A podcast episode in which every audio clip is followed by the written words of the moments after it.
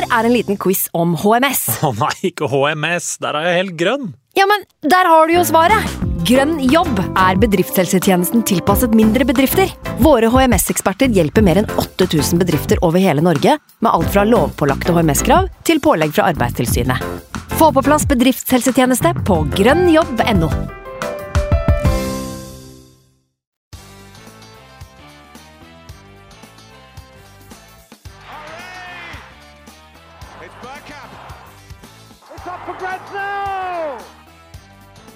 next station is Arsenal. Hei, hei, og velkommen skal du være til en ny episode med Arsenal Station med Magnus Johansen og meg, Simen Goffeng.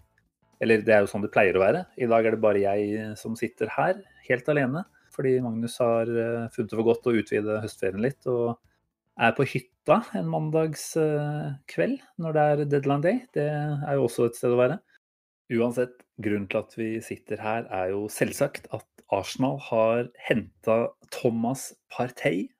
Altså, du hørte riktig. Mannen vi har vært lenket til eh, gjennom hele sommeren, eh, som det etter hvert så ut til at vi kanskje ikke kom til å få sette klørne i. Han har blitt klar for Arsenal på overgangsvinduets eh, siste dag. Eh, Det er jo veldig, veldig stas, selvfølgelig. Og i den forbindelse så tenkte vi at vi måtte ta en prat med ingen ringere enn uh, Viasports uh, fotballorakel. uh, Mannen som kjenner uh, spansk fotball ut og inn, nemlig Petter Wæland.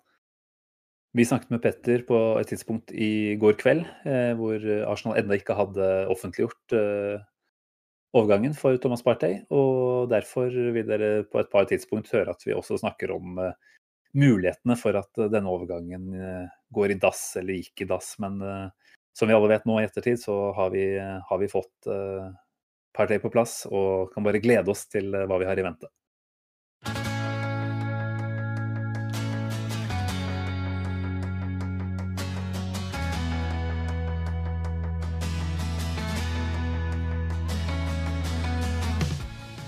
Hei, Petter. Tusen hjertelig takk for at du tok deg tid til å avse noen minutter på deadline day. Jeg regner med at du er eh, hektisk opptatt eh, kvelden igjennom, så setter veldig stor pris på at du eh, svipper innom en tur. Eh, Hvordan, hvordan ser denne dagen ut for deg, først og fremst?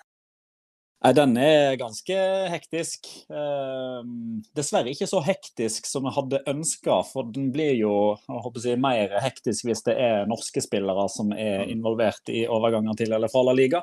Mm. Eh, det er det jo fortsatt dessverre veldig mangelvare på, så jeg skulle gjerne hatt det enda mer hektisk, men eh, bevares. eh, Jeg satt og regna litt på det i stad, det er vel ca. 70-75 overganger inn-ut som blir bekrefta i løpet av disse timene her, så eh, jeg skal nok ha litt å holde på med likevel. Ja, I kjent stil så er det med at du sitter med Excel og alt oppe og har full kontroll på det som skjer inn og ut i alle klubber. Alt er oppe og går nå av både Excel og Word og Skype og WhatsApp og eh, til og med nå en eh, ny app som jeg allerede har hørt om for å være med på denne podden. Ja, takk. Det er fint at vi kunne komme med noe nytt på bordet her, vi også. Eh, vi må jo først og fremst snakke om en utovergang fra La Liga. Eh, som Arsenal-fans er jo dette Thomas Party-ryktet noe vi har eh, vi si, hørt om i hele sommer og egentlig før overgangsvinduet startet. Det er jo en spiller vi har si, ligge langflat etter i ganske lang tid. Hva tenker du at han eh, kan, kan bli for Arsenal? En, eh, en riktig signering, eh, virker det som. Altså basert på mine egne tanker om Arsenal og deres styrker og svakheter, som er liksom eh, kall det oppdatert på, på, min måte. For jeg var selv heldig å fikk jobba med Arsenal når de spilte mot Liverpool og tok seg videre i Carabao Cup nå for noen dager siden. Riktignok ikke med, med, fullt lag, men det er klart da gjør man seg opp eh, sine tanker når man sitter og ser de spiller fotball. og Naturligvis så får man jo med seg eh, de aller fleste kampene de, eh, de spiller. Mm. Eh, mm. og nå skal jeg ikke ta i for mye her, men jeg fikk et spørsmål på Twitter tidligere i dag om han kunne bli eh, jeg, 2020 Eh, titallets Patrick Vieira for eh, Arsenal. og nå, nå, skal ikke jeg sitte her og si ja eh, på det spørsmålet, men han har noe som, som, ligner, i form av at han har en aksjonsradius og eh, veldig stort nedslagsfelt i, eh, i områder han klarer å legge ned mm. innsats på. Eh, altså Han dekker store rom. og jeg syns det, det, er en litt sånn um, litt sånn uh, halvsannhet som har fått satt seg litt om Thomas Partey, om at han er en sånn typisk sekser som er uh, i utgangspunktet bare et defensivt anker. Men mm. altså, i likhet med Patrick Vera, ja, det er hans største force er liksom det defensive. Det å, å, å bryte opp spillet til motstanderen og uh, offervilje og taklingsstyrke og alt det der. Men Eh, han har òg potensialet og er kapabel til å komme på disse sugende løpene inn i boks som motstanderen gjerne ikke klarer å eh, ta høyde for, mm. eller ikke har muligheten til å dekke over uten at man da sørger for at det blir rom for andre. Mm. Uh, så i, i mitt hode så er han hakket mer en åtter enn en sekser. Altså en typisk toveis midtbanespiller. Men det kommer jo litt an på hvordan Mikkel Arteta har lyst til å bruke han nå. Da. Men Ikke sant? Uh, jeg, med, det, med, det, fokuset jeg har, uh, så ser jo jeg for meg at dersom Thomas Partey og Dani Ceballos kan finne en kjemi her, så kan de òg få ut det beste av hverandre. For jeg føler at Thomas Partey trenger en type som Dani Ceballos ved sin side. Mm. Dani Ceballos trenger en type som Thomas, Thomas Partey ved sin side. Eh, han har jo spilt i en toer i særlig grad, vel, i Atletico. Eh, nå er det vel lite som tyder på at Arsenal kommer til å spille en, en 4-4-2 framover. Det er vel enten en, en 4-2-3-1 eller en 4-3-3 han kommer til å være en del av, vil vi tro, da, hvis mm. Arteta går vekk fra den eh, femmer slash treer bak som han har spilt nå de siste ukene.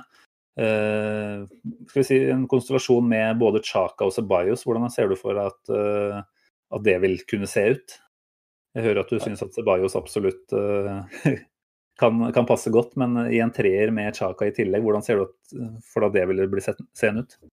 Der kan han bekle både ankerrollen og en indreløperrolle. Eh, mm. akkurat den måten Arsenal spiller på, med, med ganske raske angripere. Eh, og eh, kall det en, en, tendens til å slippe inn litt for mange mål enn hva de bør. Eh, så, så, vil jeg i en, i en sånn konstellasjon vært eh, hakket større fan av Thomas Partey som en indreløper fordi han mm. dekker så store rom. Mm. Og han har eh, arbeidskapasitet og radius nok til å være med begge veier. Eh, da, da, blir ikke Chaka alene i i eventuell ankerrolle hvis det er han som blir valgt der. Samtidig så kan han være med og, og eh, være en kombinasjonsspiller for Dani Ceballos og òg være kall det en sikring for Dani Ceballos. For han er jo en type som, eh, som tar ganske stor risiko både i pasningsspill, men òg i måten han ønsker å dra vekk spillere på og, og, og spille med den kall det finessespillestilen sin. Mm. Eh, da er det veldig godt å ha en Thomas Partey i nærheten som, eh, som, er flink til å lese spillet, og som ikke er Han er ikke redd for å legge en motstander i bakken hvis han må stoppe en overgang.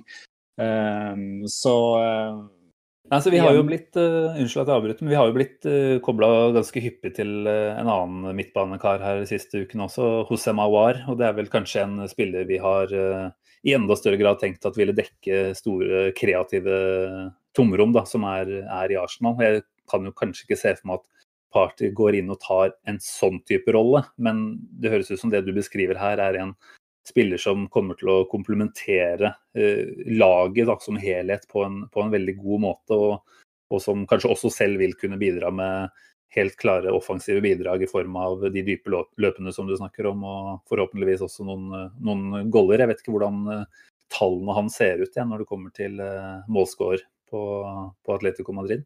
Altså, han, han, har ikke mange målpoeng uh, i Atletico Madrid, det har han jo ikke. Men det, men det er jo litt sånn todelt. Det er jo uh, primært pga. rollen han har hatt. Um, altså, når Atletico Madrid har toppa laget sitt, så har jo av og til Thomas Partey vært ute av elveren. Ja. Det har litt med hva slags personlige favoritter Simeone har, hva slags type kampbilde han har sett for seg osv. Men, mm. men det handler jo òg om at Eh, de veldig ofte eh, spiller uten to kantspillere. Altså, som regel så er den ene, eh, kall det kanten i den midtbanefireren til Atletico Madrid, er i utgangspunktet en sentral midtbanespiller. Mm. Uh, og da har Thomas Partey vært den som på mange måter har, har, har holdt igjen, uh, og dermed ikke fått lov til å komme så høyt i banen til at han uh, kan produsere masse målpoeng. Og så er det jo òg en kjensgjerning og veldig jeg, åpenbar faktor her, og det at Atletico Madrid under Diego Simone de skårer ikke så veldig mange mål. De baserer sitt spill på at de altså holder de nullen, så er de garantert ett poeng og tar som regel tre.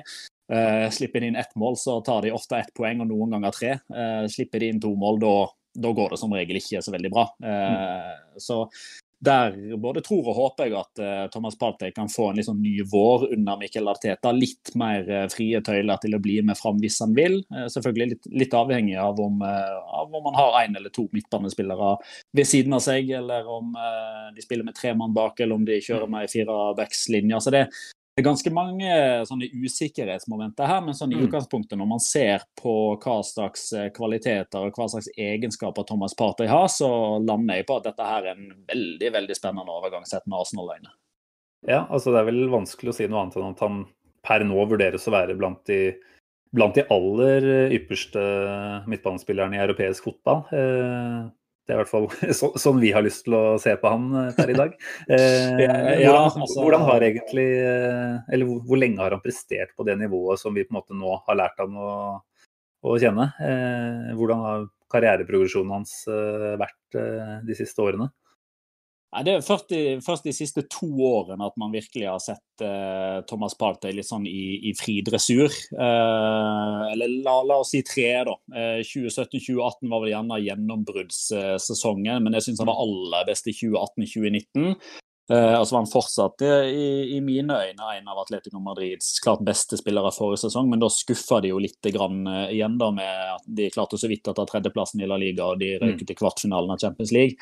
Ehm, men samtidig så er det jo, det hører jo litt til historien her at uh, Thomas Partey uh, Man har hatt et inntrykk av at han, han har aldri vært 100 uh, fornøyd med tilværelsen i Atletico Madrid. og Da tenker jeg ikke på at han ikke trivdes i klubben, eller at han ikke gikk overens med lagkameratene, eller ikke trivdes i, i Madrid sånn utenfor banen. men um, det høyeste antallet kamper han har starta for Atletico Madrid i en La Liga-sesong, er 29. Det var forrige sesong, og da var han nesten ikke skada i det hele tatt. Eh, sesongen før der så starta han bare 22, det er litt over halvparten. Så han har liksom han har aldri vært en sånn type i eller for Atletico Madrid som har vært klink benkers i startelveren. Eh, og det tror jeg han eh, føler litt på nå. Eh, det tror jeg er årsaken til at han som 27-åring da velger å, eh, å, gå til det skrittet at han sjøl har bestemt at han vil bort fra Atletico Madrid. Fordi det er, jo, det er, jo, ikke en ren overgang, dette her. Det er jo ikke Arsenal som nå har overbevist Atletico Madrid om, eh, om endelig å akseptere et bud. Det er jo det at Arsenal har blitt enig med Thomas Partey om den personlige avtalen. Og så har det vært opp til Thomas Partey, selv om han skal pushe gjennom en overgang gjennom å aktivere eh, trigging av utkjøpsklausulen sin. Ja, det var, jo, eh. det var, jo, neste punkt jeg skulle innom. For det er klart det, eh, overganger med La Liga-klubber pleier å være på akkurat den måten du skisserer her. Eh, og det er jo en litt, litt, ukjent verden for vi som kanskje følger Premier League aller tettest. Da. Men bare si veldig kort om hvordan Nå har du vært inne på det, men hvordan er det dette her ser ut? Da? Altså, jeg vil bare si at vi satt jo her tidlig på ettermiddagen og, og hørte om at Arsenal først nå på en måte bestemte seg for å, å utløse den overgangsklausulen hans, eller akkurat hvor måten det skjer på. Men, eh, mm. men, hvor god tid har man egentlig? Altså, vi vet jo at følerne har vært ute gjennom hele sommeren. Eh, så at interessen har vært der, og at sannsynligvis de personlige betingelsene sannsynligvis har vært eh, også enighet rundt ganske lang tid. Da. Men når Arsenal nå Ryktene vil jo ha det til at bare så sent som i går så var det lite sannsynlig at eh, Arsenal kom til å hente noen eh, storfisker nå i løpet av, eh, av siste, siste, dagen i overgangsvinduet.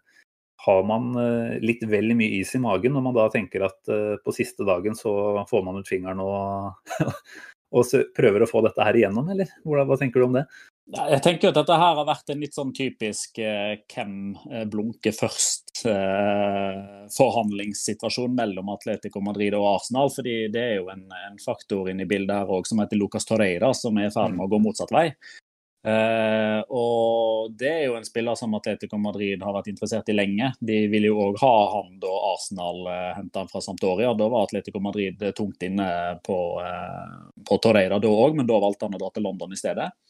Eh, men for at Atletico Madrid skal kunne eh, registrere Lucas Torreira som eh, Atletico Madrid-spiller gjennom de strenge økonomiske reglene til La Liga, så må de la minst to spillere gå i løpet av dagen. Ellers så har de rett og slett ikke På spansk kaller de det for limite salarial, altså type lønnstak. Ekstremt komplisert, jeg skal ikke gå inn på det. Eh, eh, men da var det jo som du sa, eh, altså i går kveld så, så satt jo alle jeg, Atletico Madrid-baserte journalister og skrev sine artikler som skulle komme i dagens papiraviser. Marka og AS, som da har stor oversikt over hva som er i ferd med å skje på overgangsmarkedets siste dag, og ingen av de nevnte Thomas Partey som en mulighet at han kunne forsvinne. Og Det var rett og slett fordi man man tolker det litt på samme måte som alle andre, egentlig, med at uh, i og med at det har vært såpass mye rapporter nå de siste dagene og egentlig ukene om at uh, Arsenal velger å ikke bruke så mye penger på verken Thomas Partey eller uh, Osem Mawar, så har man på mange måter trodd på det og trodd at mm. det har vært reelle forhandlinger, men de har ikke kommet i boks, og så tar man ikke sjansen på å bruke så mye penger på én spiller i disse koronatider. Men så viser det seg jo da at Eh, jeg tror Arsenal egentlig har hatt uh, mer kontroll uh, på denne situasjonen enn hva man kanskje har fått inntrykk av gjennom media. Rett og slett fordi man, man har jo hatt en enighet med Thomas Partey i bånn ganske lenge. Mm. Det var vel allerede i juli, tror jeg, at man, man snakka om, om, at Thomas Partey han kom til å dra til Arsenal dersom klubbene ble enige. Men det er jo det som er det er jo plusser og minuser med absolutt alt, uh, både i livet og i fotballen og på overgangsmarkedet. Men, men, det som er minuset for de spanske klubbene hva angår nettopp dette her med utkjøpsklausul, er jo at dersom spilleren bestemmer seg for at han vil trigge utkjøpsklausulen og får en klubb til å finansiere det, da står de der med hendene bonde. De har mm. absolutt ikke noen mulighet til å stoppe det. Eh, og Det har jo på mange måter vært trumfkortet til Arsenal. Da. Hvis de vet at de er kapable til å ha 50 millioner euro på bok som de kan bruke, og her må de betale absolutt alt i én eh, betaling. Her er det ikke snakk om noe avbetaling eller at de blir enige med Atletico Madrid om at eh, x antall millioner av disse blir eh, betalt bare dersom Arsenal vinner Premier League eller Thomas Partey skårer 15 mål eller spiller 100 kamper eller noe sånt. Nei, er det 45, 45, eller 50 millioner. Da. Akkurat, uh, akkurat, hvilken av de summene er det? Ja, det er kanskje 50 millioner euro og 45 millioner pund som har vært ja, de der, ja, summene. Da har du nok forskjellen på det. Men jeg tror som sagt at Arsenal mm. har hatt god nok kontroll på dette her. Mm. Og når det gjelder det om de jeg, får tid nok til å få denne overgangen gjennom For der, der, har man jo faktisk hatt tilfeller tidligere. Ander Herrera var jo på vei til Manchester United året før han dro dit. Mm. Eh, men da ble man jo tatt på senga av hvor eh, innvikla dette greiene med utkjøpsklausul er, så de rakk jo rett og slett ikke å få den i stand før året etterpå. Eh, så her regner jeg jo med å ta det for gitt at Arsenal har gjort veldig mye av dette papirarbeidet på forhånd, og at det kun mm. er de vanlige formalitetene som gjenstår nå. For det, det er jo faktisk sånn at La Liga eier rettighetene til alle utkjøpsklausuler på de spanske spillerne. Så de 50 millioner euroene betaler ikke Arsenal til Atletico Madrid. Arsenal betaler det til La Liga, som igjen overfører pengene til Atletico Madrid. Så mm. dette her har de nok eh, god kontroll på. Men så får man jo se om det blir neglebiting inn mot midnatt, da, eller om det kommer litt tidligere. Ja, som, som, du nevner, vi, vi sitter jo her og, og spiller inn uh, før midnatt. Vi, vi, tar jo sikte på at uh, overgangen går igjennom og snakker om det på den måten. Men uh, men det er klart, som du sier, Arsenal har jo også, skal vi si, for å si det enkelt, driti litt på draget når det kommer til overganger tidligere. Eh, så, så, helt sikre er vi jo selvfølgelig ikke her heller. Eh, men, men, bare for å snakke litt om eh, denne overgangsklausulen. Vi ser jo stadig vekk at det er, i hvert fall nå i senere tid, skyhøye summer som legges inn der. Og i denne så er det kun i gåseøynene bare bare en 50 millioner eh, euro. Da. Eh, hvorfor ja. er den såpass lav? Eh, og grunnen til det? Ja, altså Disse enorme utkjøpsklausulene eh, ser man jo helst og først og fremst i Barcelona og Real Madrid. og Det er jo som en konsekvens av at eh, Barcelona mista en mm. spiller de trodde var eh, umulig å miste, nemlig mm. Neymar. der tok man ikke høyde for at det fantes en klubb i verden som kunne være både kapabel og vilje til å bruke 222 millioner euro på én spiller. Og så skjedde jo det. Eh, og da, Det førte egentlig til en eh, endring i hele dynamikken på overgangsmarkedet. og En av konsekvensene der er jo at man ser sånne latterlige utkjøpsklausuler på 1000 millioner euro sånn, som bare gjør at en sånn type overgang eh, ikke kommer til å finne sted igjen. Men Atletico Madrid er fortsatt ikke på det sjiktet at de bare automatisk kan eh, legge inn utkjøpsklausuler på 500 millioner euro i kontrakten til spillerne sine. For dette her er jo en forhandlingssak. Ikke sant? De får ikke med Eh, spillerne på det, rett og slett.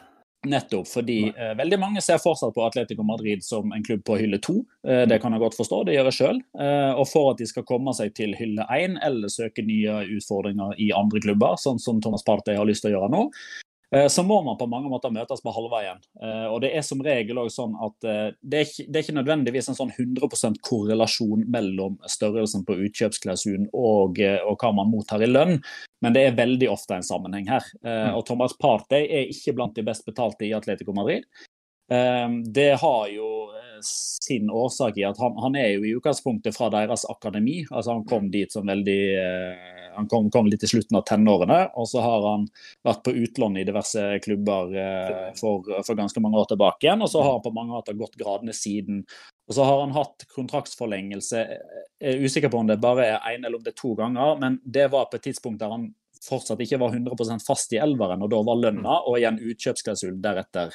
Og så var planen til Atletico Madrid at de skulle forlenge kontrakten med Thomas Partey. Mm. Gi han høyere lønn, gi han uh, høyere utkjøpsklausul i, i avtalen, men så kom korona.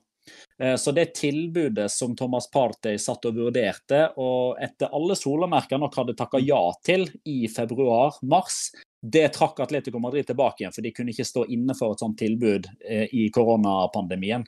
Så det, det er jo òg en faktor som gjør at, eh, Mm. at eh, overgangen finner sted, og at det er for i hermetegn bare 50 millioner. Jo det holder jo i massevis, det. Eh, Hvis du ser det med våre øyne. Vi, pengene vokser jo ikke på trær på Emirates eh, om dagen heller. Eh, Det har jo vært ja, Det er jo også litt morsomt å ta med her at på samme dag som vi da henter en spiller for 50 millioner euro, så har jo maskoten vår, Gunnersaurus, blitt permittert. Så det Ja. spares jo penger der det kan. Eh, Men det er klart, hvis vi tenker at det var det som var siste tungen på vektskåla for å få denne avtalen her på plass, så, så tenker vi vel kanskje at det var eh, et offer vel verdt.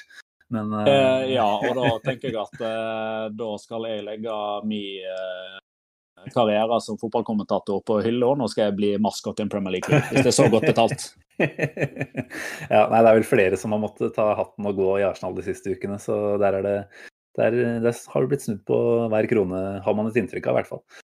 Men eh, for å gå veldig kort tilbake til, nei, til eh, Party, før jeg lar deg gå tilbake til bua Buadi. Eh, du snakka om at han har spilt relativt få kamper eh, forrige sesong, eh, 22 stykker.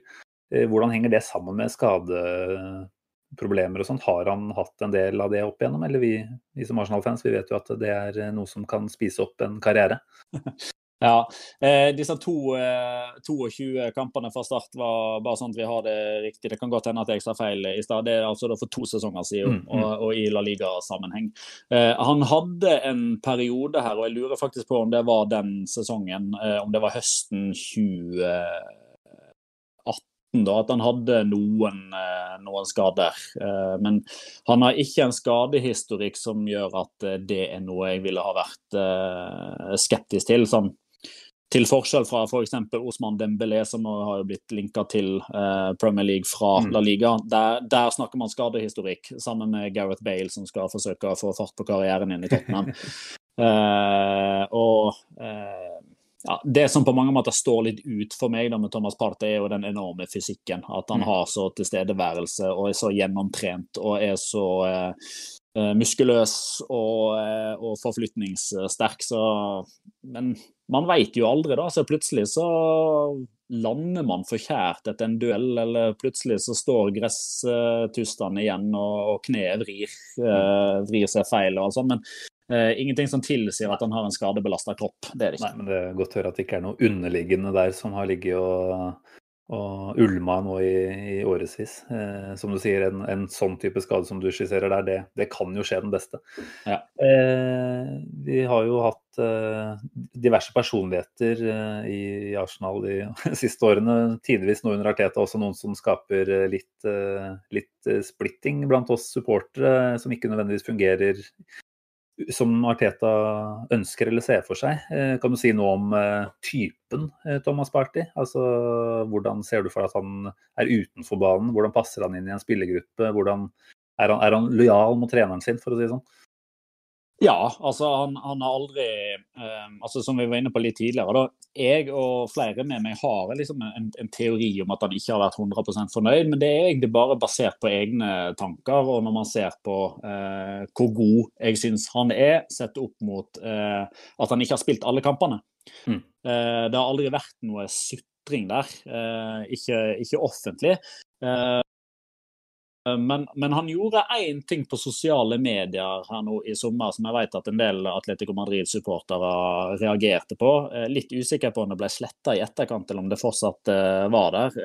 Ganske sikkert var Instagram-kontoen hans, la han plutselig ut en litt sånn jeg tror det var en form for karikaturtegning med altså Jeg husker ikke helt om det var eh, drakter, eller om det bare var liksom skilt med litt forskjellige lagnavn på, der han inviterte følgerne sine til å liksom komme med innspill til hva som burde være hans neste klubb. Oh, ja, eh, og det stussa man jo litt over, fordi det, dette var vel akkurat i begynnelsen av disse Thomas Partey skal til Arsenal-ryktene. Mm. Eh, og da var Atletico Madrid veldig tidlig ute eh, i sine kanaler og snakka eh, til sine si, journalistkontakter og ba de egentlig bare gi beskjed om at her er det ingenting å se. Thomas Partey er viktig for oss. Han skal ingen steder. Eh, dette er en mann som har kjeda seg litt under koronatida, og fortsatt har håper jeg, sine kunstneriske friheter til å legge ut akkurat hva han vil, men ikke, ikke le så mye i det. Eh, men, men, bortsett fra det, så Altså, man På dette nivået her, når man er såpass store profiler og stjerner og personligheter som man er på dette nivået her, så kommer det som regel fram dersom man har eh, noen svin på skogen. Eh, og meg bekjent så har ikke Thomas Partey noen av de. Nei, og noen nykker, det må vi jo kunne tåle. Vi husker jo også hvordan eh, Pierre-Emerick Aubameyang ble dømt nord og ned av ganske mange før han kom til Arsenal, etter å ha lagt seg ut med Dortmund på tampen av tida si der. Og det kan jo, som du er inne på litt, det handler jo om om ja, hvordan man ser, eh, ser, på seg selv akkurat der og da i den situasjonen man er, ikke nødvendigvis noe som gjenspeiler personligheten som sådan. Ja. Så, og så, så snakker han eh, i utgangspunktet, sånn som jeg har forstått det, så behersker han uh, engelsk. Mm. Han snakker fransk, han snakker spansk, åpenbart. Så, så det å liksom bli en, en si, integrert del av, mm. av, stallen, og det å ikke føle seg utenfor fra, fra, første stund, kommer jo i så måte ikke til å være noe problem. Altså, Eh, han kan eh, konversere med Lacassette, han kan snakke med Aubameyang på sitt språk, med mm. Nicolas Pepe, med eh, Dani Ceballos, med Nå skal jo ikke Torreira være der lenger, da. Ektor Beyerin, altså Pablo Mari. Det, det, er mange der som han kan snakke med på sitt naturlige språk uten at det blir noe sånn at man føler at man håper jeg, må oversette underveis. Man kan liksom ha den naturlige samtalen fra første dag av. da. Mm, det er mm. jo òg en, en plussfaktor i så måte. Ja. Ja, det høres eh, veldig bra ut. Eh, jeg tenker jo også at eh, vi har jo vært et skal si, middelhavsfarelag nesten nå de siste, siste, par årene i hvert fall. Vært ut, godt utenfor en topp fire-plassering flere sesonger på rad. Hvor, langt tenker du Arsenal kan nå opp med, med denne type signering? Det er jo et statement, må man kunne si. Ja, men jeg tror nok ikke at Thomas Partey alene kommer til å flytte et fjell. Eh, det, det tror jeg ikke. Da, eh, da, ser jeg mer på, eh, på lederen på sidelinja og på det mm. prosjektet. Ja, jeg vet at noen ikke liker det ordet prosjekt i forbindelse med fotballtrener og, og spillerstall osv.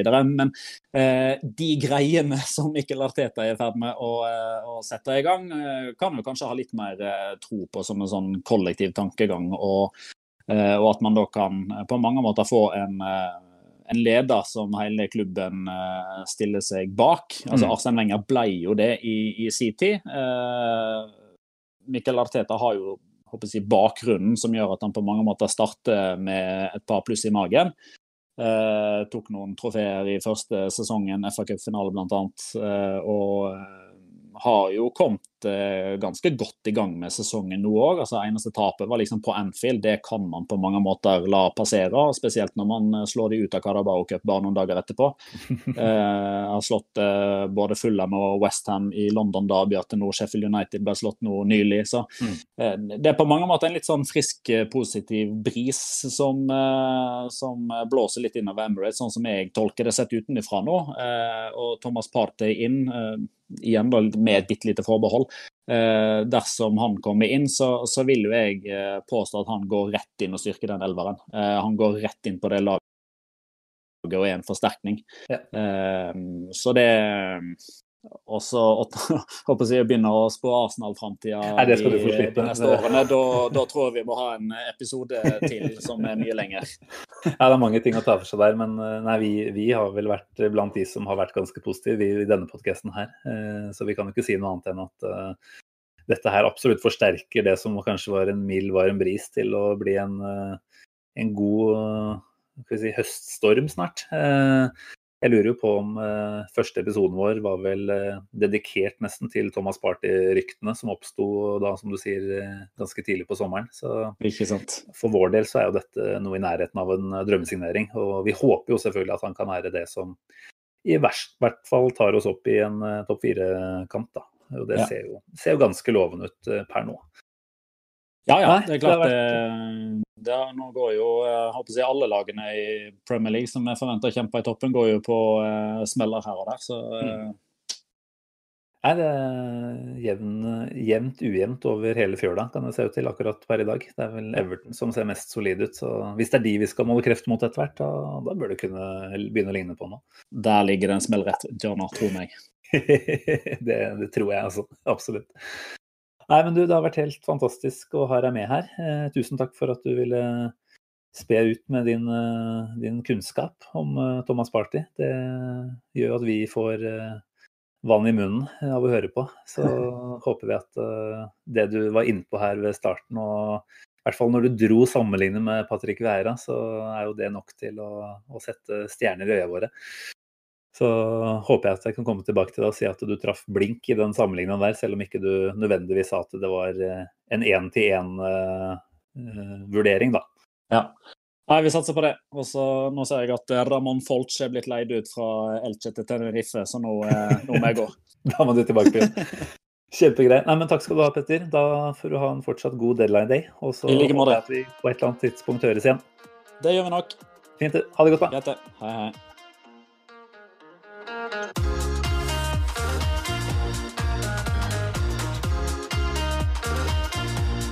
train terminates here.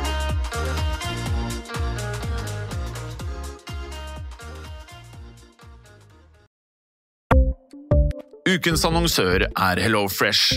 HelloFresh er verdens ledende matkasseleverandør og kan være redningen i en travel hverdag.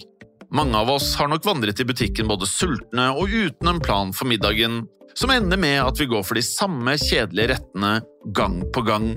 Middag burde være dagens høydepunkt. Som HelloFresh kan du nå velge mellom 25 ulike retter hver eneste uke, eller få HelloFresh til å sette sammen menyen for deg. Dette gir deg muligheten til å prøve nye og spennende retter alene eller sammen med familien. Du velger antall porsjoner og får alt levert på døren på et tidspunkt som passer for deg. Oppskriftene er enkle, og maten er lett å lage både for store og for små. Ved å få alt levert hjem får du også mer tid til å dele matgleden med familie og venner. Kanskje det frister med asiatiske tacos eller greskinspirert kylling? Da kan jeg anbefale deg om å gå inn på hellofresh.no. Her kan du bruke koden FOTBALL og få opptil 1779 kroner i rabatt på de første fem matkastene hvis du ikke har prøvd HelloFresh tidligere. Du kan også bruke rabatten hvis du har vært kunde og stoppet abonnementet ditt for tolv måneder siden eller lengre. Gå inn på hellofresh.no og bruk koden FOTBALL. Har du et enkeltpersonforetak eller en liten bedrift? Da er du sikkert lei av å høre meg snakke om hvor enkelt det er med kvitteringer og bilag i fiken, så vi eh, gir oss her, vi. Fordi vi liker enkelt. Fiken superenkelt regnskap.